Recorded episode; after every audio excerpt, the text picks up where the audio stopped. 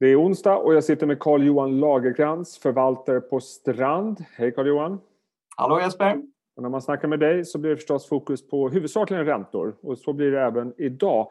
Jag tänkte att vi skulle börja med att titta på en fascinerande bild. Vi har ju sett massa bilder här senaste tiden på hur aktiemarknaden fullständigt har exploderat sen eh, det liksom bottnade där i mars. Men om man tittar på en graf för företagsobligationsmarknaden eh, och jag tror att det här är några av de större obligations, företagsobligationsfonderna som är sammanviktade. Ja, men exakt. Så är det en ganska dramatisk utveckling även där. Du kan väl beskriva kortfattat hur det här året har varit för er i den branschen? Ja, men absolut. Eh, nej, men om vi ser till den grafen då som börjar eh, årsskiftet eh, 1920 så, så hade vi en väldigt stark marknad i, i företagsobligationsmarknaden. Det var kraftiga inflöden och eh, marknaden varit så lågvolatil under en lång tid så att eh, mycket pengar sökte sig till eh, high yield-fonder i princip för att parkera pengar från börsen. Och eh, sen då i, i, samband med coronautbrottet och eh, att eh, vi fick en pandemi så eh, när fullkomligt allting imploderade, allting skulle säljas. Eh, framför allt den här typen av pengar skulle säljas för att vara redo för att eh, pricka botten på aktiemarknaden. Så blev det eh, till slut för trångt i dörren och eh, marknaden eh, kapitulerade helt varpå eh, många fonder fick stänga för utflöden. Vilket är ett enormt stresspåslag då såklart. Eh, så under eh, några dagar för precis ett år sedan så var fonderna stängda för utflöden och eh, man, man tittade på olika lösningar för att få igång det igen helt enkelt, för att hitta någon form av förtroende i det. För att liksom ge lite siffror på det så var ju utflödena under mars förra året var 23 miljarder ur eh, företagsobligationsfonderna och det motsvarar, det är mer än vad man hade som inflöden under hela 19 som ändå var ett bra år. Så att det, det, var, det var för mycket som för marknaden att hantera.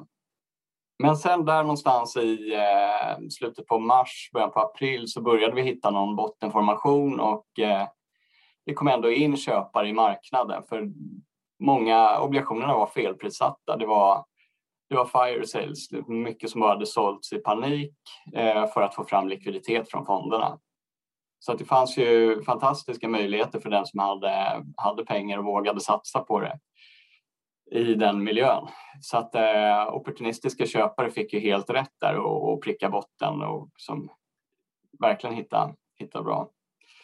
Eh, och eh, Riksbanken var ju ganska tidig med att eh, de skulle vara där och stimulera ekonomin och eh, även den här delen av marknaden.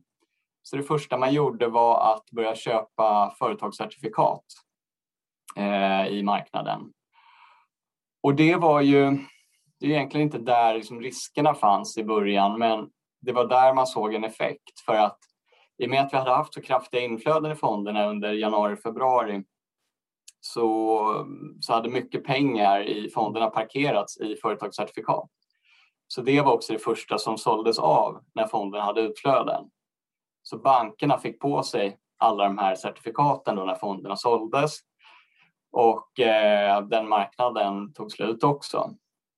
Så att Riksbankens första åtgärd var att köpa företagscert eh, som, som ett stöd för marknaden och där någonstans så började väl också förtroendet komma tillbaka lite och man började känna sig lite mer trygg. Senare under, eh, under första halvåret så anlitade ju Riksbanken även Blackrock för att, eh, för att sy ihop ett, eh, ett program för att kunna börja handla längre företagsobligationer. Och det var, gav ju också ett bra bränsle till marknaden att eh, man, man insåg att Riksbanken fanns där även för, för de längre pengarna. Och eh, i september så, så sjösatte man det och eh, började köpa företagsobligationer i marknaden. Så där, där hade man en, där hade man kommit ganska långt på den här återhämtningen vi hade sett då. Och, och med det sagt så var inte det Riksbankens volymer i, i marknaden de som avgjorde utan det var väl mer eh, vetskapen om det, att liksom, psykologin bakom det, att veta att Eh, det här är en viktig del för ekonomin att den här marknaden funkar och att Riksbanken mm. finns där på samma sätt som ECB och Fed har visat sig för, för övriga marknader. Mm. Ja, eh, intressant och nu är vi tillbaka i, i princip där vi började eh, efter det här. Apropå det här med företagsobligationer, om vi tittar lite grann på var Riksbanken står någonstans idag. Nu, nu pågår ju det här programmet och det ska väl avslutas här under sommaren någonting. Eh, vad händer då när man slutar att köpa företagsobligationer? Ja, men om vi tittar på det senaste vi kan titta på det, det är ju QE-programmen som ECB hade och som man avslutade under 2018. Eh, det, som hände då var ju att marknaden var ju orolig till en början att eh, ja, kommer det bli ett starkt säljtryck på, på kreditmarknaden? Kommer, ja, hur ska det här som gå till? Men det man sa för att lugna marknaden och det man, eh, det man gjorde var ju att nej, men vi slutar köpa men vi kommer återinvestera okay. i, i de förfallen vi sitter på. Så att eh, om Riksbanken sitter, äger idag x antal miljarder i företagsobligationer så är det troliga att de håller kvar dem till förfall och eh, vid förfallen att de eh, kanske får bli tvungna till att förlänga sig och fortsätta ha den posten så att säga. Så inte att de säljer i marknaden utan att de helt enkelt slutar köpa. Och, förhoppningsvis kan det då få en, en, en lugnande effekt. Eh, om man tittar annars på Riksbankens agerande och jämför med andra centralbanker. Riksbanken har varit aktiva men kanske inte fullt så vad ska man säga, enormt aktiva som andra, ECB och Fed och så vidare. Men om man tittar på de här gigantiska stimulanspaketen som har rullat nu en längre tid vad har det fått för konsekvenser på marknaden? Att det har lugnat ner allting och lugnat ner aktiemarknaden, det, det har vi bevis för. Men, men vad kan du säga om eh, förvaltare i din bransch eh, på företagsobligationer, hur det har påverkat er? Nej, men om, man, om man ser till eh, ECB och det som hände under förra QE-programmet, det var ju att eh, ECB är ju så pass, eh, deras program är så pass stort att det, liksom, det förändrar marknaden. Att det, det puttar ut förvaltare på riskskalan. Mm. Att eh, de, de köper upp en så pass stor andel av det som kommer ut i marknaden att eh, förvaltaren som i normala fallet förvaltar en fond som, som investerar i investment grade, alltså lite finare tillgångslaget inom företagskrediter, har inget material kvar att, att hitta i marknaden och framförallt ingen avkastning att hitta utan det är, eh, den är negativ eller noll. Så då får den förvaltaren eh, tvinga sig ut ett snäpp på riskskalan för att börja köpa kanske finare high yield och W plus och däromkring. Eh, och på samma sätt då den förvaltaren som satt där tidigare och köpte eh, finare high yield får gå snäppet ut och köpa lite sämre high yield för att liksom kunna införliva sina avkastningskrav till sina investerare. Så att alla puttas ut en bit på, på riskskalan helt enkelt. Och det, och det man såg under 2018 när, när eh, man avslutade tapering i, i ECB, mm. det var ju att alla gick tillbaka till sina gamla jobb på något sätt. Att eh, ECB slutade köpa, ja men då kunde den som i normalfallet köpte investment grade börja göra det igen. Då. Men med på bekostnad då att spreadarna ökade och att eh, det varit ett ganska surt år för tillgångslaget. Så att det, det låter lite grann som att eh, företagsobligationsmarknaden närmar sig aktiemarknaden om man ser till risknivåer, eller? Drar jag det för långt då? Ja, men lite kanske. Det är, den, den är ju, alltså den är ju fortfarande den är ju enormt stimulerad som sagt från centralbankshåll men eh, underliggande kreditrisker är fortsatt helt okej. Okay. Mm. Eh, om man ser till hur pandemin har påverkat bolagen så är det såklart så har det slagit ut en del som inte har haft en chans att överleva den här miljön. Men samtidigt så har det haft eh, rätt sunda liksom, kostnadsbesparingar och, och, så vidare i många bolag. Så att eh, allt annat lika så ser vi rätt okej okay kreditkvalitet fortsatt. Men, eh, men vi kanske inte kommer se fortsatt, fortsatta spreadar som går ihop framöver. Om man tittar på det andra aktuella ämnet just nu, eller aktuella ämnen, så är det ju, det har ju varit väldigt mycket fokus på, på ränte, långa räntor framförallt och inflationen.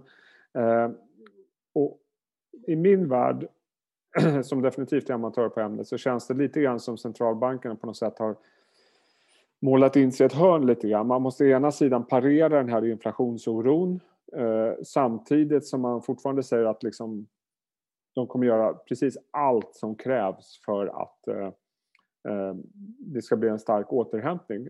Men i min värld så har återhämtningen redan börjat.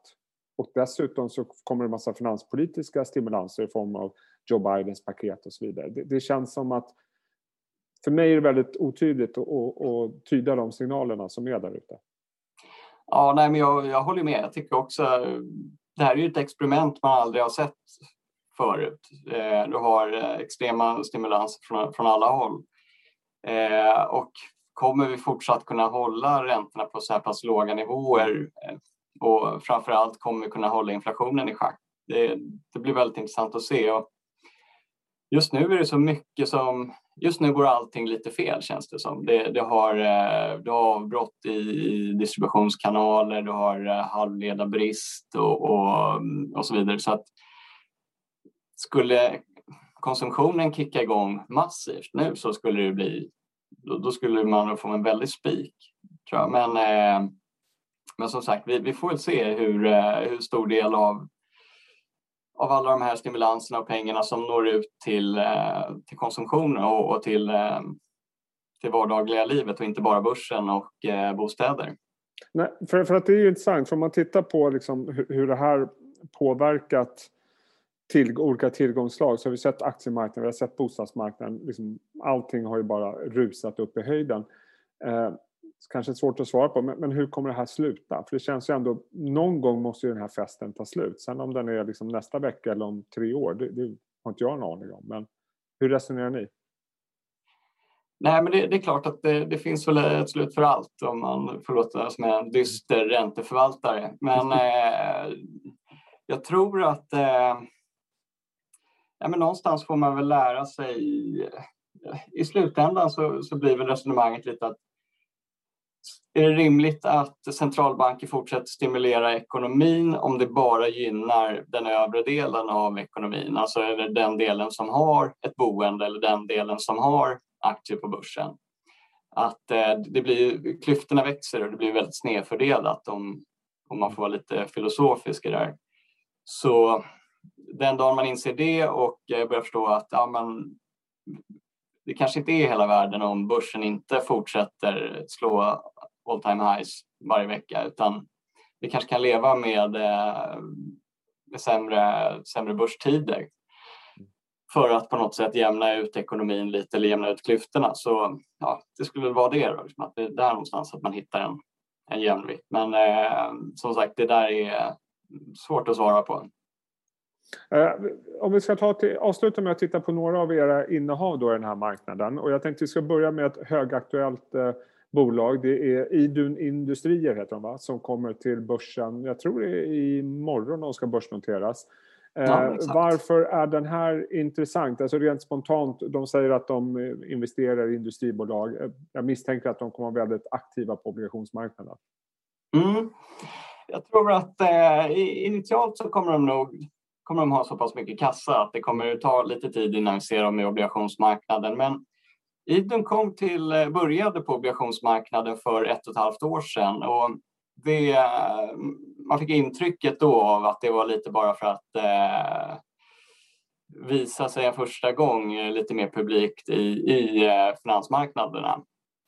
Så det, det kändes väldigt eh, som en liten förberedelse för att eh, kunna notera en aktie framöver. Mm. Så för ett och ett halvt år sedan så, så, blev, eh, så kom vi i kontakt med Idun första gången och, och, då var vi ett fåtal investerare på obligationsmarknaden som, som tecknade oss i det här. Då. Det, var, det var så pass liten emission men eh, den var på 200 miljoner så det, det, är en ganska liten del i, eller det är en liten obligation i den här marknaden. Så att vi, vi är ett fåtal investerare som tittade på det då och eh, caset var ju egentligen att eh, få en liten eh, försmak för inför en börsintroduktion mm. på det. Eh, så jag hade väl hoppats på att man hade kollat i skuldböckerna när man letade ankarinvesterare till det här, men det, det gjorde man inte. Men, men vi ska titta på det. Men som sagt, vi, vi har obligationen, och, men vi är inte med i, i aktieemissionen helt enkelt. Men vi ska titta på det. Men eh, sen ett och ett halvt år tillbaka är bedömningen ändå att det här är liksom ett stabilt, starkt bolag eh, utifrån ja, men, er synvinkel.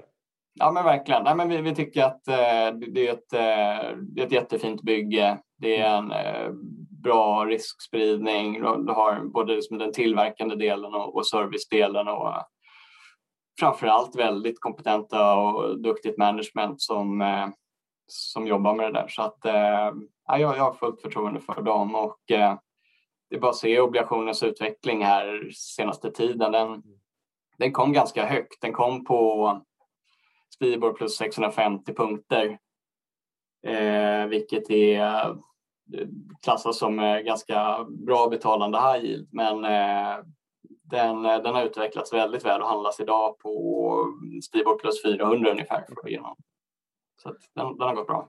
Två andra innehav, eh, omåttligt populära på aktiemarknaden, det är Sinch och Stillfront. Eh, mm. Som sagt, väldigt populära på aktiemarknaden. Eh, båda har varit väldigt aktiva med förvärv, eh, vilket jag vet påverkar er. Och eh, dessutom har de väl delvis eh, mer eller mindre påverkats av den här techfrossan som, som det har pratats om, inte minst Stillfront. Hur, hur tänker ni kring dem? och Märker ni av den här, äh, det vi pratar om på aktiemarknaden med techfrossa? Syns det i den här typen av innehav hos er? Nej, jag tycker inte det gör det. Eh, vi, vi, har inte sett, vi har inte sett det på, i, i den utsträckningen än. Och jag kan, väl jag kan tycka att eh, det delvis förklaras av att jag tycker att de, de bolagen fortsätter betala lite för bra på obligationsmarknaden. Vilket gör mig glad för att eh, det, det, jag, jag, tycker den är, de är ganska lätta att räkna hem. Eh, om, om, man, om man ser till, till, den, till den typen av bolag, som du säger, de förvärvar mycket, de växer mycket på eh, du har en aggressiv förvärvstakt i, i den typen. Och vi kreditnördar gillar inte riktigt det. Vi, vi blir stressade av när bolag eh, går för fort fram och eh, förvärvar och för att vi är rädda för att eh, skuldsättningen ska skena. Ja. Men, men båda de här bolagen har gjort det på ett fantastiskt sätt och eh, de har ju vuxit och eh, håller skuldsättningen i schack. Så att eh, jag tycker att den, eh, de, de, blir lättare att räkna hem nästan. Du får en bättre riskspridning. Du, du växer bolagen så pass mycket att det, jag tycker det ser fortsatt väldigt attraktivt ut. Mm. För att ge några nivåer om, om det kan vara intressant så, eh, så har du ju Stillfront handlas på ungefär Stibor plus 290 punkter och, och Sinch lite tajtare handlas på ungefär 200 punkter. Så att, eh, men det, det, i det här klimatet är det helt okej betalt faktiskt. Och eh, avslutningsvis eh, får du berätta lite grann om historien bakom ert innehav i Ellos. Just det. Ja, men det såg ju ut att kunna bli en riktig pandemiförlorare förra mm. året om man såg till, eh, till hur, det, hur det verkade. För att Ellos såldes för ett och ett halvt år sedan eh, av eh, Nordic Capital till den belgiska ägaren FNG.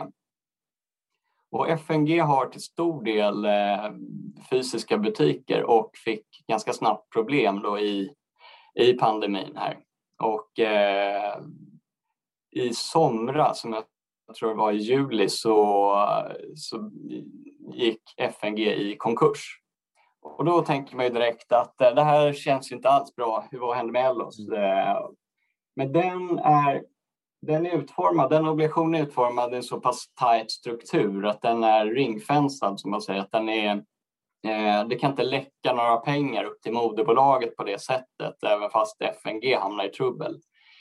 Så, eh, så där, där var marknaden stressad i en första anblick, men det var ungefär där vi började köpa eh, den, för vi insåg att den här strukturen är så pass bra och Ellos kommer troligtvis bli en pandemivinnare om man isolerar det. Och där har vi verkligen fått rätt och Ellos har gjort sitt bästa år någonsin skulle jag tro. Jag tror att man ökade sales med 18 procent. Eh, samtidigt som man, man tappade ju modedelen, den har inte gått lika bra men samtidigt så har andra home och leisure eh, vuxit så pass kraftigt att eh, det har haft en väldig, väldig styrka i det. Och man har delevrat eh, bolaget eh, väldigt snyggt under året tycker jag. Så att eh, den, den känns fortsatt väldigt attraktiv och framförallt ska det bli spännande att se vad som händer med den framöver. Ehm, som sagt, strukturen i sig gör att vi som obligationsinvesterare inte är speciellt oroliga, men eh, det är frågan är vad ägarskapet tar vägen, om det kan bli en kandidat för börsen på sikt också kanske. Mm, ja, det har ju ryktats om det titt som tätt genom åren. Eh, ha, eh, bra Carl-Johan, spännande att höra lite mer om hur det går på den så viktiga företagsobligationsmarknaden. Eh, jag hoppas att vi kan snackas vid eh, snart igen. Eh, fram tills dess, sköt om det. Ha det bra. Ja, men tack samma.